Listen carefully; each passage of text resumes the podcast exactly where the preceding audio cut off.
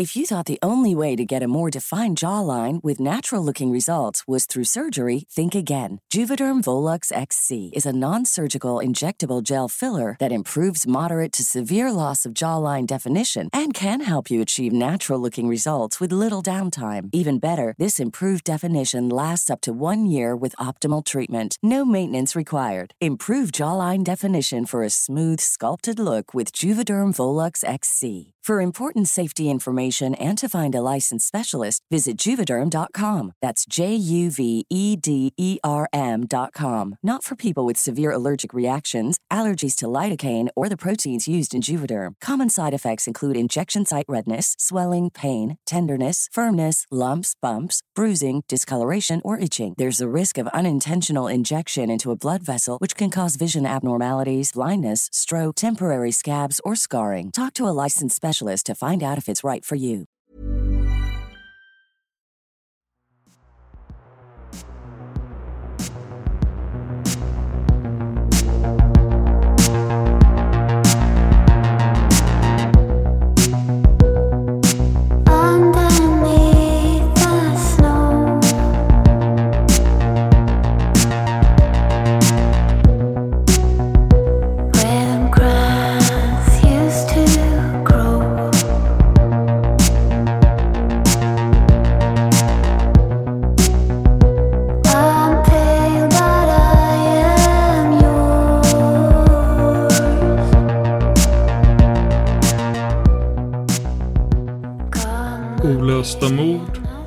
Peggy Knobloch, del 2.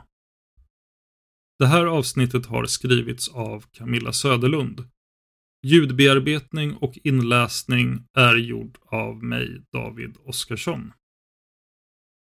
Det här är en podd som bara ställer frågor och aldrig ger några svar. Vad tror du själv? Kontakta oss gärna med dina teorier om fallen vi tar upp. Kontaktinformation finns i avsnittstexten i din poddapp och i slutet av avsnittet. Varning för sexuellt våld mot barn. Vi inleder med en kort resumé. I det förra avsnittet fick vi följa polisens intensiva sökande efter Peggy Knobloch. Utredningen nådde både till Tjeckien och Turkiet, men utan framgång. Polisen har genomfört förhör med flera misstänkta gärningsmän. Den 26-årige grannpojken Ulvi Kulas greps och dömdes till livstidsfängelse. En dom som både hans anhöriga och delar av samhället vill upphäva. Vi vill påminna er om att Ulvi ligger på samma mentala nivå som en tioåring. Peggy har fortfarande inte hittats. I slutet av det förra avsnittet fick vi veta att en ny prövning är på gång. Nyckelvittnet tog tillbaka sitt vittnesmål som fällde Ulvi. Nyckelvittnet hävdade att han blev pressad av polisen att ljuga ihop sitt vittnesmål. Ulvis nya försvarare sätter nu den rättsliga bollen i rullning. Det har gått hela 12 år sedan Peggy Knobloch försvann. I april 2013 lämnar Ulvi Kulas advokat in en begäran om en ny prövning. Den 9 december, alltså åtta månader senare, beslutar domstolen att återuppta förfarandet. Domstolen motiverar sitt beslut med det falska vittnesmålet från nyckelvittnet. Ett halvår senare. Det är den 10 april 2014 när rättegången mot den nu 36-årige Ulvi drar igång. Peggy Knobloch, som nu skulle ha varit 22 år gammal, har fortfarande inte hittats. Ulvi har spenderat totalt 13 år på den slutna anstalten. Ulvis föräldrar har kämpat i alla dessa år med att få sin son fri. Den nya försvararen har hittat flera bevis som kan vara till Ulvis fördel. Han avslöjar dels att Ulvi Kulas har förhörts upp till 40 gånger utan en advokat närvarande. Försvararen kan också bevisa att Ulvis tidigare erkännande varit framtvingat. Bekännelsen från Ulvi har inte spelats in och det har inte protokollförts. Eftersom ingen advokat varit närvarande är det enda beviset polisens vittnesmål. Det är alltså ord mot ord. Under rättegången närvarar Peggys anhöriga. Susanne upplever omprövningen av Ulvi som mycket plågsam. Peggys försvinnande och ovissheten kring dotterns öde river upp såren på nytt. På åhörarbänken bakom Susanne sitter den grupp hängivna anhängare som kallar sig Rättvisa för Ulvi Kulas. Rättssalen är också fylld med journalister som bevakar fallet. Under rättegången visar åklagarsidan upp bevismaterial i form av rekonstruktionsfilmer. I filmerna får Ulvi själv visa hur han har hanterat Peggys kropp under det påstådda mordet. På filmen ser man en docka som ska representera Peggy. Dockan har verklighetstrogna mått. Ulvi drar dockan genom skogen och går vidare uppför en sluttning. Ulvi flämtar och svettas då terrängen är rejält kuperad. Dockan, som väger cirka 30 till 35 kilo, drar han efter sig. Åhörarna i salen tvingas titta på videon som spelades in bara dagar efter att Olvi erkänt att han mördat Peggy. Den spelades alltså in innan Olvi drog tillbaka sitt erkännande. Efter bara några minuter in i rekonstruktionen lämnar Peggys mamma Susanne rättssalen. Hon ser mycket blek och medtagen ut. Några dagar senare är det Susannes tur att ta plats i vittnesbåset. Hon inleder med att berätta om dagen då hennes dotter försvann. Den dagen var skit, säger Susanne och ber om ursäkt till rätten för sitt språk. Hon fortsätter, citat. Det var en väldigt kall, trist, disig och dimmig morgon. Peggy ville inte gå till skolan, men jag tvingade dit henne ändå. Det ångrar jag. Sedan tog jag hennes lilla syster Jasmine till dagis och själv åkte jag till jobbet. Om och om igen kommer allting upp till ytan. Även de saker som jag har förträngt. Allt kommer upp nu igen. Slutcitat. En månad senare. Det är den 14 maj 2014 och domstolen i Bayreuth är fullsatt. Dagen har kommit då Ulvi ska få sin dom. Över hundra åhörare finns på plats, varav ungefär hälften består av journalister. Även Peggys anhöriga är på plats. Salen är knäpptyst.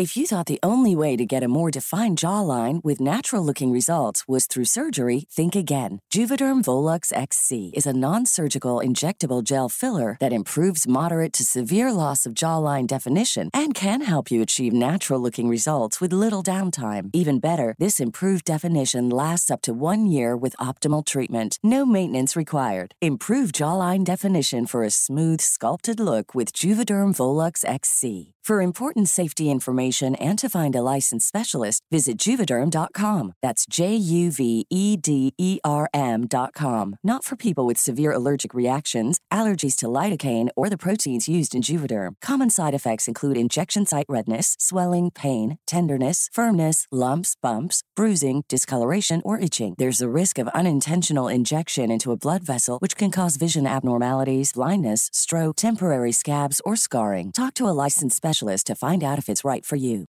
Some places take you away, some bring you together. Marathon does both. Marathon is Florida's family key with something for everyone. You'll find museums and wildlife refuges, wide open beaches, miles of warm, clear water, and the historic Seven Mile Bridge. For more about Marathon and the latest safety protocols, visit flakeys.com/marathon. Domstolens ordförande, Mikael Eckstein, ber den tilltalade Ulvi Kulas att resa sig. Domare Eckstein bryter sedan tystnaden genom att tillkännage att Ulvi ska frikännas. Detta eftersom något brott inte kan bevisas. Flera av Ulvis anhängare applåderar och skriker ”Bravo!”. Domare Eckstein begär ordning i salen och säger citat Det här beteendet är inte acceptabelt. Det här är en rättssal som behandlar brottmål. Jag ber er att uppträda därefter. Slutcitat. Anklagelsen om mord släpps alltså helt och den 36-årige Ulvi Kulas tidigare livstidsdom ogiltig förklaras. Två år går. Det är i början av juli 2016. Peggy har varit försvunnen i 15 år och hon skulle nu ha varit 24 år gammal. Under förmiddagen den 2 juli får polisen in ett larmsamtal från en svampplockare. Mannen som ringer uppger att han tror att han har hittat mänskliga kvarlevor i skogen. Svampplockaren berättar att han befinner sig nära staden Wurzbach i förbundslandet Thüringen. Flera polispatruller och kriminaltekniker beger sig till platsen. Poliserna kan snabbt konstatera att det mycket riktigt rör sig om mänskliga kvarlevor. Storleken på skelettet tyder på att det rör sig om ett barn. Poliserna befarar därför att det är Peggy Knobloch. Skogsområdet spärras av och undersöks noggrant. Flera föremål hittas utspridda på platsen och tillhörigheterna pekar på att det kan vara Peggy som har hittats. Det är oklart vad det är för typ av föremål. Vad vi vet är att inga kläder finns på platsen. Det finns heller inga spår efter den jacka eller skolväska Peggy hade på sig när hon försvann. Omständigheter på fyndplatsen tyder på att det är vilda djur som har känt doften och grävt upp kroppen. Skelettet som hittades är nämligen inte komplett. Flera delar saknas och polisen misstänker att det kan vara djur som har tagit dem. Utredarna tror inte att barnet dödades på den plats där kroppen hittades. Kroppen fördes med största sannolikhet till skogen efter mordet. Polisen kan heller inte avgöra om kroppen har legat på samma plats i skogen i 15 år eller om den har varit begravd på någon annan plats innan. Fler än 100 poliser ansluter för att söka i området efter ledtrådar. Skogen där kvarlevorna hittades ligger cirka 18 kilometer från Pegges bostad i Lüftenberg. Kroppen förs till det rättsmedicinska laboratoriet för identifiering. Några dagar senare bekräftar DNA-tester att det är Peggy Knoblochs kropp som har hittats. Även en radiologisk undersökning av skelettet utförs för att kunna avgöra hennes dödsorsak. Men undersökningen av skelettet ger ingenting.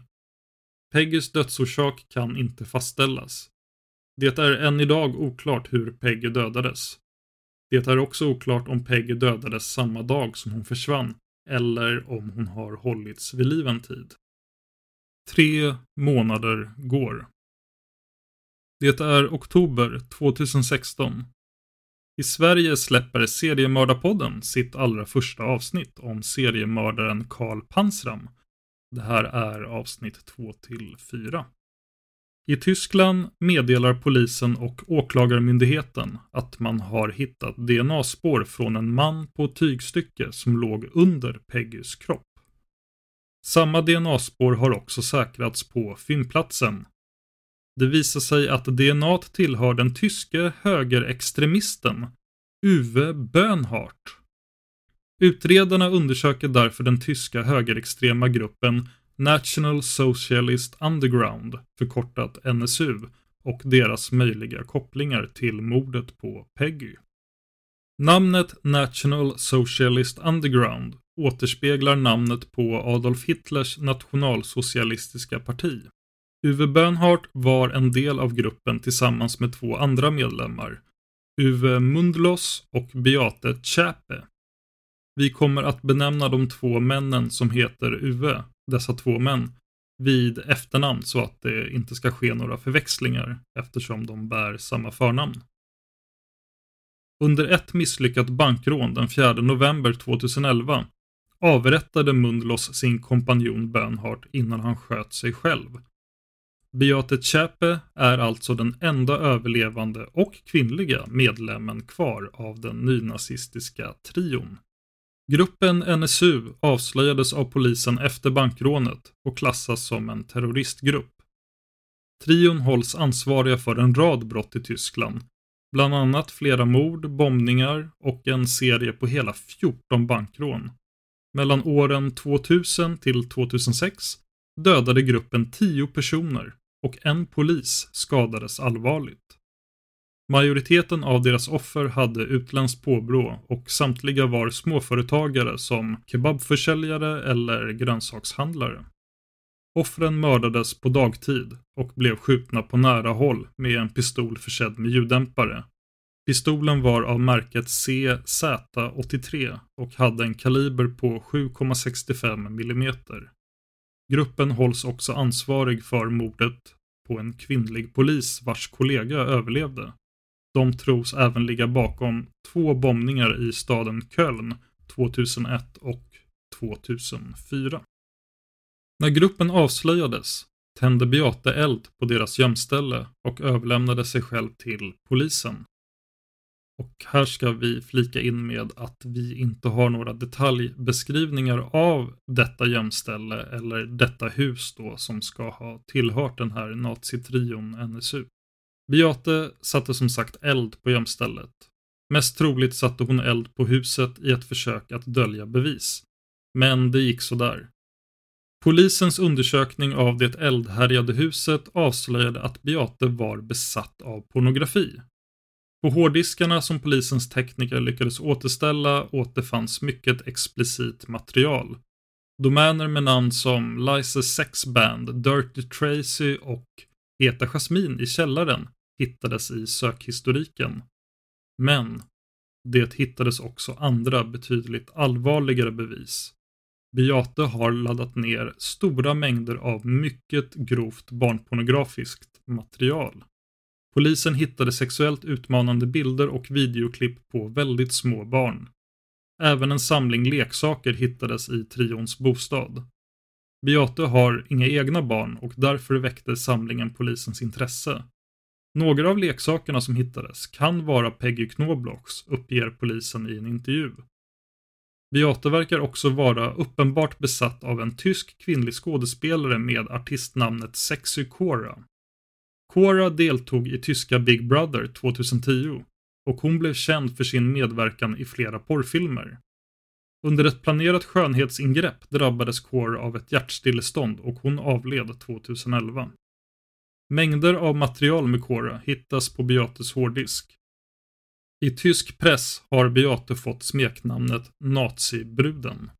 Beate ställdes inför rätta 2013 för sin påstådda roll i gruppen. Hon åtalades för mord, mordförsök, mordbrand och för tillhörighet till en terroristorganisation. Beate hävdade bestämt att hon avfärdar ideologin bakom morden och fördömer dem.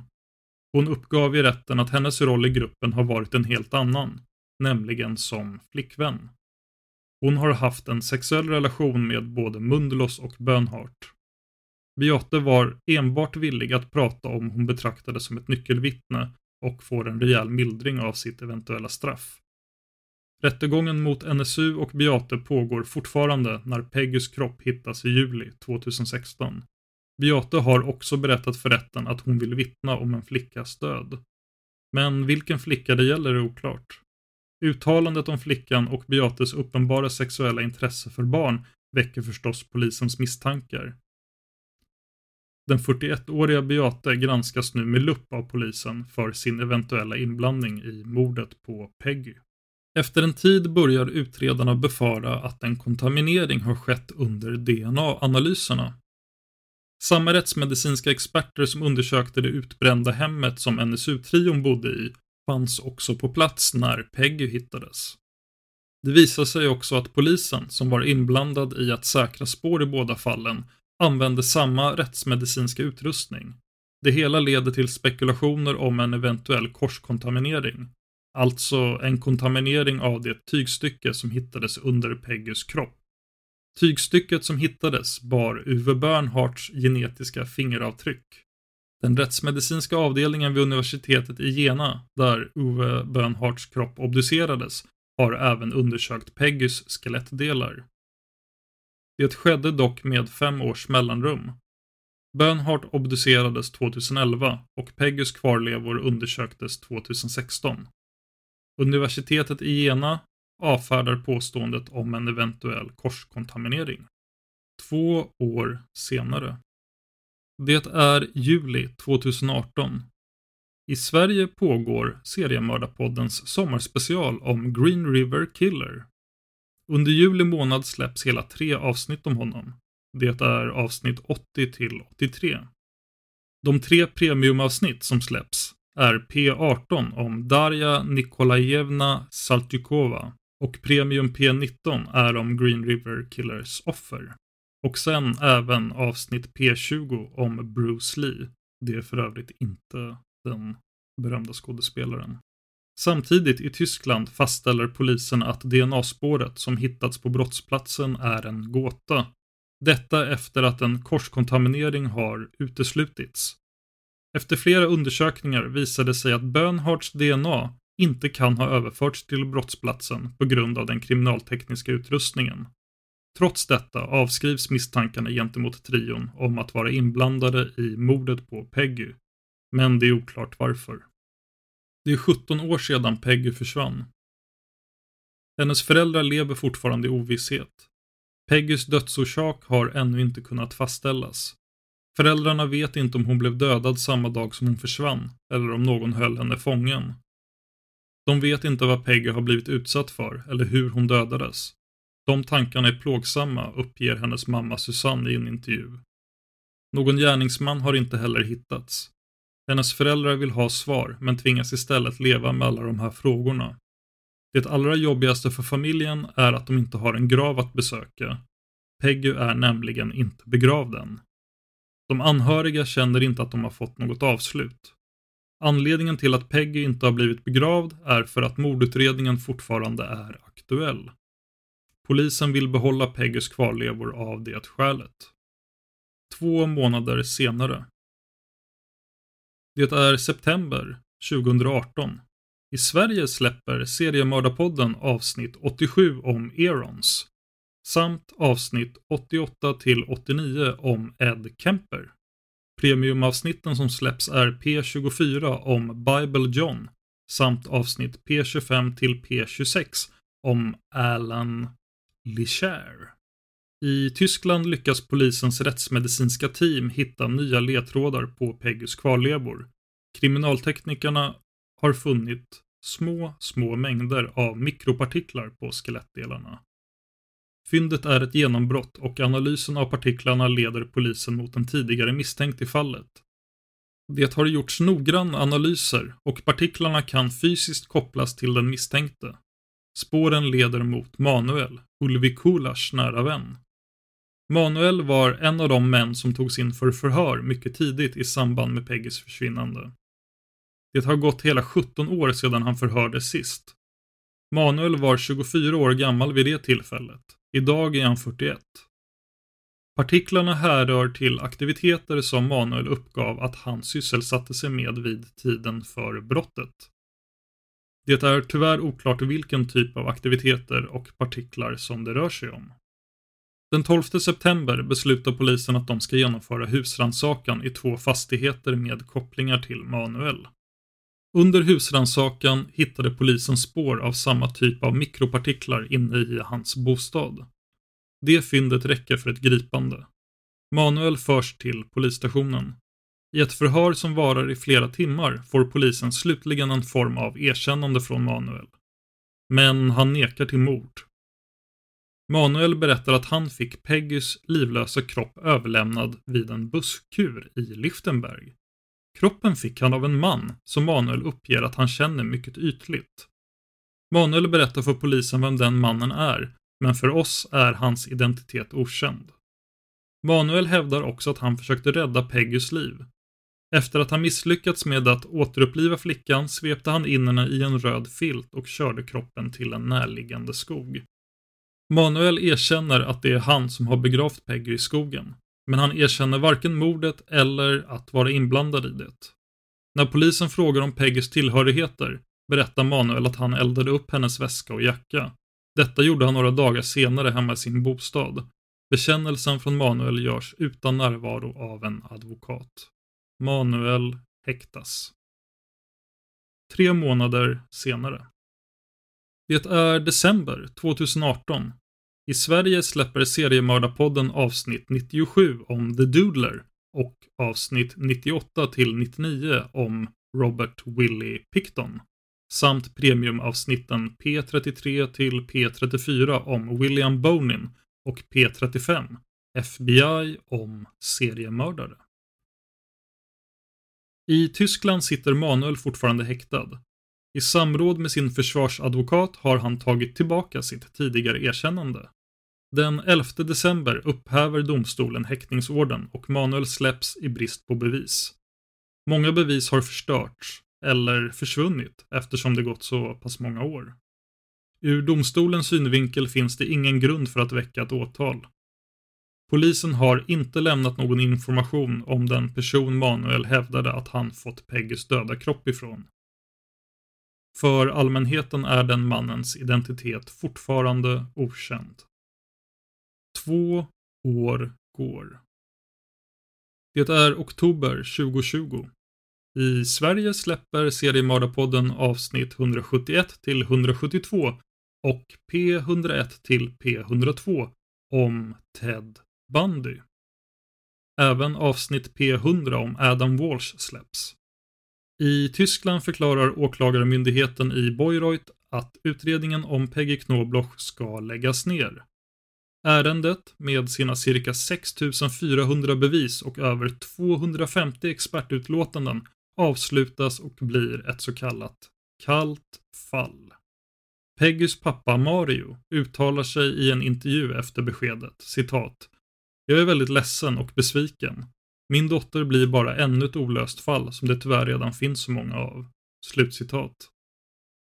Mordet på Peggy förföljer den tyska befolkningen än idag.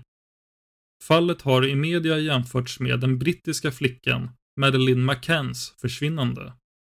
Madeleine försvann 2007 när hon var på semester med sina föräldrar i Portugal.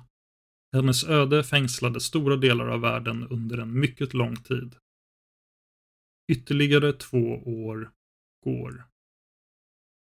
Det är april 2022.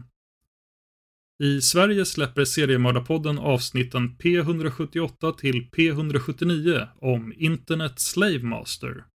Även avsnitt 190, del 1 om Stephen D. Richards, släpps. I Tyskland får Peggys anhöriga ett efterlängtat avslut. Efter mer än 20 år får de äntligen begrava sin dotter. Den 6 april begravs Peggy på kyrkogården i Nordhalben i förbundslandet Bayern. I ett uttalande från familjens advokat säger han citat efter 21 år fick vi ta adjö av vår älskade Peggy i den närmaste kretsen av familj och vänner. Som äntligen kunde föra henne till hennes sista viloplats. Slutcitat. Maila oss dina teorier om fallen som vi tar upp på simwaypodcast@gmail.com. Det är Z-I-M-W-A-Y podcast gmail.com. Tack till Camilla Söderlund som har skrivit det här manuset. Jag som har läst in det och klippt det och producerat det heter David Oskarsson. Tack till Trippnaha för låten Immune som ni hör i början och slutet av varje avsnitt. Och tack till dig för att du lyssnar på Olösta mord.